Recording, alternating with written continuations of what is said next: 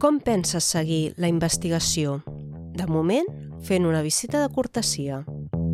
Apartado de correos 1001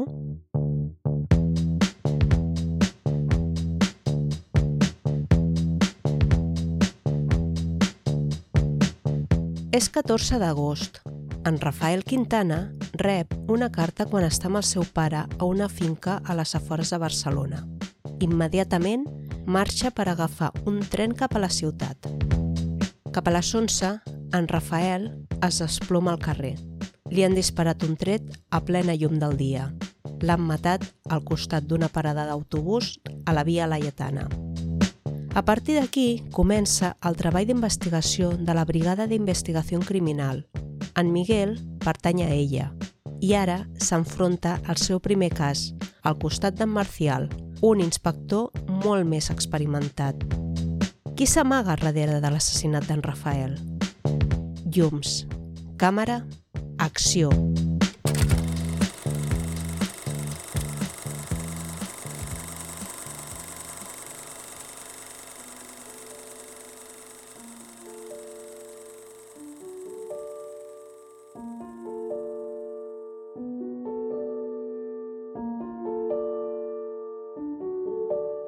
Hola a tothom, em dic Núria Nadal i et dono la benvinguda al podcast La Butaca Vermella, un podcast en què t'explicaré la història del cinema d'una manera una mica diferent. El capítol d'avui està dedicat a un llargmetratge. El més segur és que desvetlli algunes parts de la trama de la història. Si no has vist la pel·lícula, ja et demano disculpes pels possibles spoilers que et pugui fer. Aquest episodi estarà dedicat al llargmetratge Apartado de Correos 1001 del director barceloní Julio Salvador. La pel·lícula és considerada una de les que inicien el fenomen del cinema negre als anys 50 a Barcelona. El thriller va ser molt ben rebut en el seu moment. A més, la pel·lícula també es considera un film de culte pel seu desenvolupament argumental, per les nombroses imatges de la ciutat, l'escena final, el parc d'atraccions a l'Apolo i per la petita sorpresa que hi ha en el guió.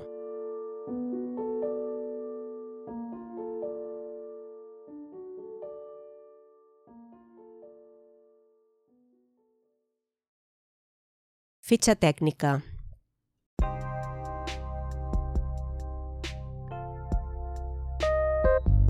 Apartado de correos 1001. Emissora Films. 1950. Títol original Apartado de correos 1001. Duració 90 minuts. País Espanya. Direcció Julio Salvador. Guió Julio Coy, Antonio Isasi. Fotografia Federico G. Larraya. Muntatge Antonio Isasi. Música Ramon Ferrés. Estudis Trilla Emissora. Laboratoris Cinefotocolor. AM Conrado San Martín, Elena Espejo, Tomás Blanco, Manuel de Juan, Luis Pérez de León, Carlos Muñoz, Guillermo Marín, Casimiro Hurtado, Eugenio Testa, Carlos Ronda, Asunción Villalba, Emilio Fàbregas. Breu sinopsis. És un calorós 14 d'agost. En Rafael Quintana rep una carta quan està amb el seu pare a una finca a les afores de Barcelona. Immediatament, el jove marxa per agafar un tren que el portarà a la ciutat. Unes hores més tard, en Rafael rep un tret a plena llum del dia i es desploma. Han matat en Rafael al costat d'una parada de l'autobús, a la Via Laietana. A partir d'aquí comença el treball d'investigació de la Brigada d'Investigació Criminal. Miguel pertany a ella i ara s'enfronta al seu primer cas. No ho farà sol, perquè estarà al costat d'en Marcial, un inspector molt més experimentat. El seu treball comença amb la revisió de les pertinences en Rafael, la recerca del taxi en què van fugir els assassins i l'interrogatori del pare del Rafael. El seu pare els explica que en Rafael intentava recuperar una inversió de 200.000 pessetes per ajudar-lo a pagar una hipoteca. La inspecció de l'apartament d'en Rafael condueix en Miguel a un anunci de la Vanguardia. En l'anunci es fa referència a l'apartat de correus 1001. Comencen les investigacions i a la seu del diari localitzen l'adreça de l'anunciant, però en aquella ubicació només hi ha un solar buit i el taxi en què van fugir els assassins. La única pista que hi ha és vigilar l'apartat de correus 1001. Qui s'amaga darrere de l'assassinat d'en Rafael?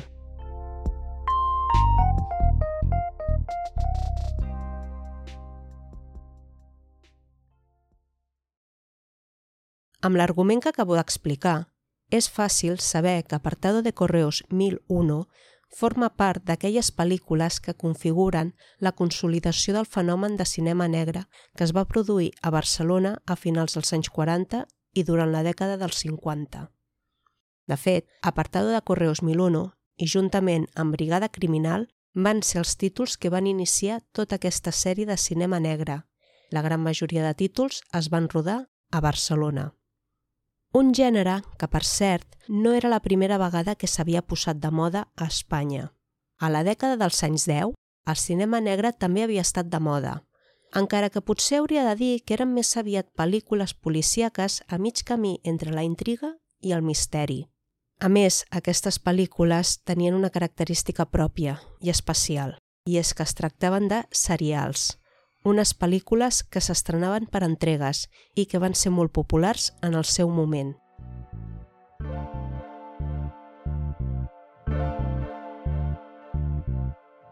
Si t'agradaria que parlés en un altre capítol amb més profunditat d'aquests serials, recorda que al lloc web labutacavermella.cat barra idees pots votar i proposar temes pels propers episodis.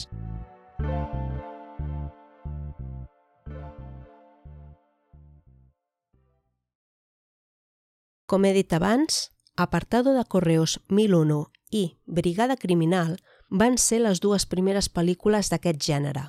Apartado de Correos 1001, en concret, és un cas que sembla increïble que es tracti d'una pel·lícula que es va estrenar a l'any 1950, sobretot pels temes que es tracten al llarg de la pel·lícula.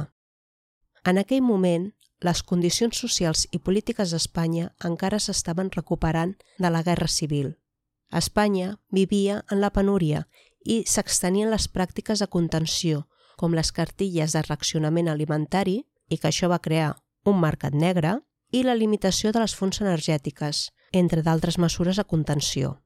Al cinema, una de les poques diversions del moment, quedava sotmès a dues pràctiques de control, la repressió i la protecció. I abans d'entrar en matèria, crec que cal explicar-te per què dic que tant Apartado de Correos 1001 com Brigada Criminal van ser les dues primeres pel·lícules d'aquest gènere als anys 50. A l'estiu de 1948, Ignacio Ferrer Siquino va deixar la productora Emissora Films. La finalització de la seva relació laboral no va ser massa cordial i Quino, per la seva banda, va continuar les seves activitats, però ho va fer sota la firma IFISA. Amb aquesta firma va produir el llargmetratge Brigada Criminal, un llargmetratge que obria el corrent de cinema negre produït a Barcelona. Emissora Films, a forma de rèplica a IFISA, també va decidir rodar una pel·lícula de cinema negre. O potser va ser al revés i resulta que IFISA va copiar-se d'Emissora Films. Sigui com sigui, és inevitable parlar de la coincidència d'aquests dos films. IFISA va sol·licitar els permisos de rodatge per brigada criminal el 20 de maig de 1950. Li van concedir pocs dies després, el 25 de maig. Cinc dies més tard, el 30 de maig de 1950, Emissora Films va rebre el permís de rodatge d'Apartado de Correos 1001. El 29 de novembre de 1950, la Junta de Orientación Superior Cinematogràfica va qualificar el film d'Iquino. Vuit dies abans ho havien fet amb el film de la productora de Francisco Ariza. Les coincidències amb les dues pel·lícules van continuar. De fet, l'estrena de les dues pel·lícules també es va produir en el mateix temps. A Barcelona, Brigada Criminal va estrenar-se el 4 de desembre de 1950, mentre que Apartado de Correos 1001, es va estrenar el 6 de desembre del 1950. Només dos dies de diferència. A Madrid, la pel·lícula d'Iquino va estrenar-se el 8 de gener de 1951, mentre que la de Julio Salvador va fer-ho el 26 de gener de 1951. I com era d'esperar, aquesta comparació també es va fer en les crítiques cinematogràfiques, però d'això ja en parlarem més endavant.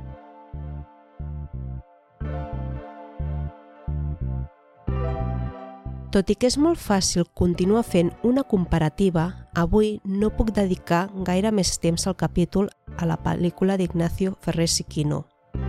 Per tant, si t'agradaria que t'expliqués més dades sobre la pel·lícula Brigada Criminal, recorda que al lloc web labutacavermella.cat barra idees pots votar i proposar temes pels propers episodis.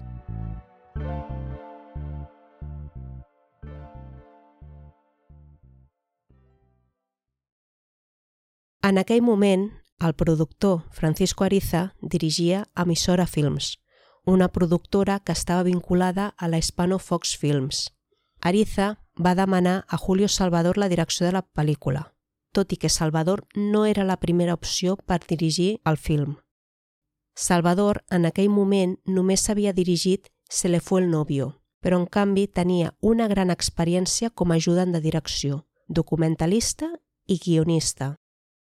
No només s'havia previst que el director fos una altra persona, sinó també que el títol fos un altre, ja que inicialment, apartado de Correos 1001, s'havia de dir Identitat desconocida. En el guió d'apartado de Correos 1001 hi van participar altres col·laboradors de la productora, com Julio Coy i Antonio Isasi. Isasi, a més, també va ser el muntador de la pel·lícula. Tant Brigada Criminal com Apartado de Correos 1001 oferien una novetat molt important en el sector. A més de ser els primers films de cinema negre fets a Barcelona i que encetarien aquest corrent cinematogràfic, també eren els primers llargmetratges que se situaven dins de l'òrbita dels models de producció similars als que es realitzaven a Hollywood. Com t'he dit abans, un repte tenint en compte les condicions econòmiques i socials de l'Espanya d'aquell moment, una Espanya que s'estava recuperant de la Guerra Civil. Els baixos pressupostos, la subordinació respecte als referents de les novel·les que podien facilitar el guió i que oferien una intriga ja construïda, la necessitat de rodar en espais naturals que permetia prescindir dels estudis o, simplement, la relativa importància de l'equip de repartiment eren factors favorables al desenvolupament d'aquest gènere que acabaria portant un munt de títols interessants i fins i tot la creació d'un gènere específic, el cinema negre espanyol. Un dels aspectes que tradicionalment s'ha considerat en el film de Salvador, i també a Brigada Criminal, és el seu punt de partida pel cinema negre que va produir-se a Barcelona un tipus de cinema que va convertir-se possiblement en l'únic punt fort de la producció catalana durant els primers anys de postguerra. A part del gènere, Apartado de Correos 1001 destaca per estar rodada en els jocs reals on passava l'acció, un fet que era una novetat en aquell moment. Aplicava la forma del neorealisme italià, però s'utilitzava una base argumental que agafava la millor intriga del cinema negre d'Estats Units de la dècada dels 40. Per aclarir-ho, el neorealisme va ser un moviment narratiu i cinematogràfic que va aparèixer a Itàlia durant la postguerra de la Segona Guerra Mundial, aproximadament cap a l'any 1945. L'objectiu era mostrar les condicions socials més autèntiques i humanes, rodades en exteriors, protagonitzades per actors no professionals que pertanyien a la classe baixa de la societat, persones treballadores, pobres i sense sostre. El neorealisme s'allunyava dels estils històrics i musicals que havien estat de moda durant l'època de Mussolini. Ara bé, la confusió que hi ha entre la crítica i els cineastes espanyols del moment fa que s'associï la forma directa del realisme policíac amb la onada neorealista, però, malauradament, del corrent neorealista només hi trobem el factor d'escollir els escenaris naturals i rodar-hi allà. Apartado de Correos 1001 mostra els jocs reals on passa l'acció. Hi ha nombrosos exteriors i interiors reals a Barcelona, la Ronda de Sant Antoni, la plaça Universitat, les antigues oficines de l'avantguàrdia al carrer de Palai, l'interior de Correus, fins i tot es veu l'estació de metro que estava ubicada a l'antiga plaça d'Antonio López, la Via Laietana, les Rambles i les atraccions al parc d'atraccions de l'Apolo, entre d'altres indrets a Barcelona. Sí, l'actual sala de concerts Apolo al carrer Nou de la Rambla als anys 40 i 50 havia estat un petit parc d'atraccions. Tot i això, hi ha un dels llocs on passa l'acció de la pel·lícula que es va rodar en un estudi, i aquest és l'interior de les oficines de la policia. La decisió va venir presa per un tema de logística i de seguretat. Això sí, hi ha algunes fonts documentals que indiquen que van haver-hi agents que van col·laborar com a extras i com a figurants a la pel·lícula. Al llarg de tota la pel·lícula, hi ha una certa voluntat de mostrar els elements més costumistes al moment, com el fet de mostrar que hi havia persones que vivien en pensions o en cases d'hostes, o el procés d'investigació d'un delicte, que el podem veure al llarg de tota la pel·lícula com si es tractés d'un documental, un detall que queda reforçat des del primer minut amb aquesta veu en off. Emisora Films, siempre a la vanguardia del cine nacional, ha querido realizar una película distinta a las demás. Una película que incorpora por primera vez en nuestras pantallas el sentido realista de la actualidad más palpitante. Su anécdota se basa en uno de los muchos casos que diaria y desgraciadamente ocurren en una gran ciudad cualquiera. Es la historia silenciosa y abnegada de unos hombres que, por vocación y honradez, arriesgan su vida con el único objetivo de defender a la sociedad de todos aquellos que intentan perturbarla. Esta película ha sido filmada en las mismas calles, plazas, edificios y ambientes naturales en los que se supone que pudo ocurrir el hecho que se da como real. Malauradament, la pel·lícula està carregada de tòpics molt propis del cinema policíac, un heroi inexpert que és contingut pel seu mestre o superior i un personatge femení, un personatge que està a mig camí entre la jove innocent i la persona que es converteix en una còmplice involuntària. I també no ens podem oblidar del misteriós cervell de tota la trama criminal, un personatge que no li veiem el rostre fins al final del film. Entre tots aquests personatges no hi ha cap valor psicològic o sociològic que la pugui inscriure dins de les tendències del neorealisme. Apartado de Correos 1001 es basa en un cas real de la crònica de successos del moment, concretament el cas d'una estafa postal de la qual prové el títol. He intentat veure si podia trobar el cas en què s'inspirava la pel·lícula i no ha estat possible trobar el cas original. Segons les fonts documentals que he consultat, un policia de l'època va explicar que la feina dels guionistes es va limitar únicament a inspirar-se en les dades conegudes d'un assassinat que es va produir davant de la jefatura superior de policia i van afegir una petita anècdota amorosa. A part, dins de la pel·lícula es tracta un tema nou en el cinema espanyol de l'època, com és el tràfic de drogues. Un tema que avui estem molt habituals a veure'l en el cinema, però que en aquell moment no ho era pas tant. I a més, hi ha un altre detall que ens pot sorprendre molt, perquè el tràfic de drogues estava relacionat amb la cocaïna i amb la seva addicció. Tenint en compte que en aquell moment a Espanya existien les cartilles de reaccionament i, com a conseqüència, s'havia creat un mercat negre al voltant dels aliments, era molt previsible pensar que en el tràfic i el contraband també estarien vinculats als medicaments. En un país que sortia d'una guerra civil, en què faltaven els antibiòtics i que qualsevol malaltia sense tractar podia ser mortal, el tràfic de medicaments podia convertir-se en una acció delictiva molt lucrativa. Però en la pel·lícula és directament la cocaïna. tot i que associem la cocaïna a una droga moderna, segurament condicionada per l'augment de consum als anys 80, t'haig de dir que la cocaïna es va descobrir al 1902. Però a l'Espanya dels anys 40, la cocaïna ja feia molt de temps que estava il·legalitzada. Això sí, se seguia consumint, però el seu consum estava limitat a uns cercles molt privilegiats. I precisament un dels personatges de la pel·lícula hi està enganxat. Per posar una mica d'ordre fins al moment, Apartado de Correos 1001 és un thriller vigorós que va destacar pel fet que estava rodada als jocs reals on passava l'acció, una novetat en aquell moment, i té la peculiaritat i es diferencia perquè explica un cas real de la crònica negra i de successos del moment una pel·lícula que va tenir una molt bona acollida per part del públic y de la crítica.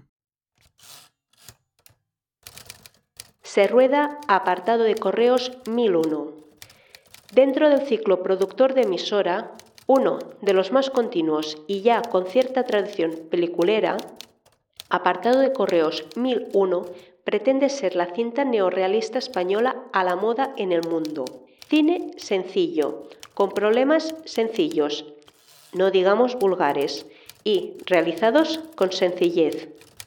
Revista Cámara, número 186, 1 de octubre de 1950. Felicitamos al cine español por el interés que va sintiendo últimamente por los escenarios naturales, por huir de los argumentos empolvados y de la escenografía con escayola. Revista Cámara, número 194, 1 de febrer de 1951. El argumento de la película de Julio Salvador es esencialmente policíaco. Juega a desorientar al espectador.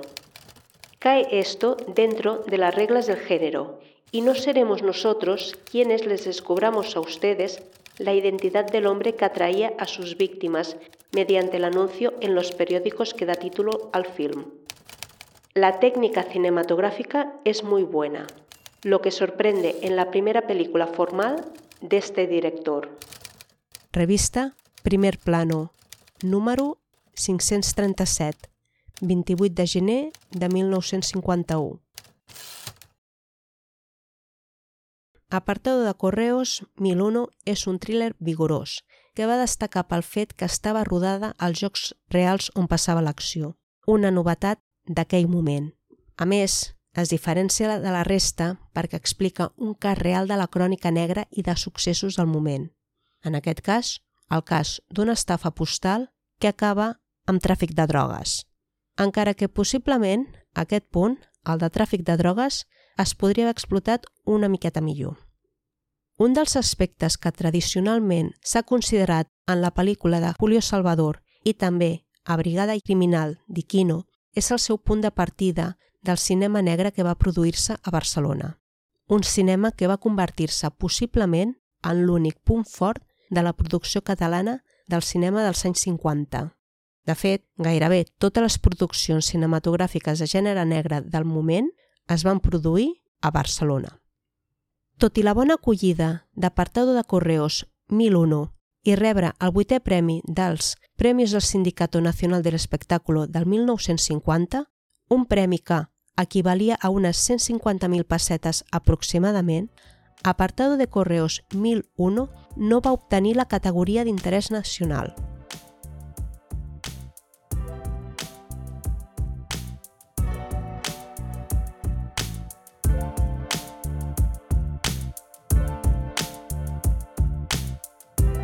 I fins aquí aquest episodi de la Butaca Vermella, en què he parlat de la pel·lícula Apartado de Correos 1001.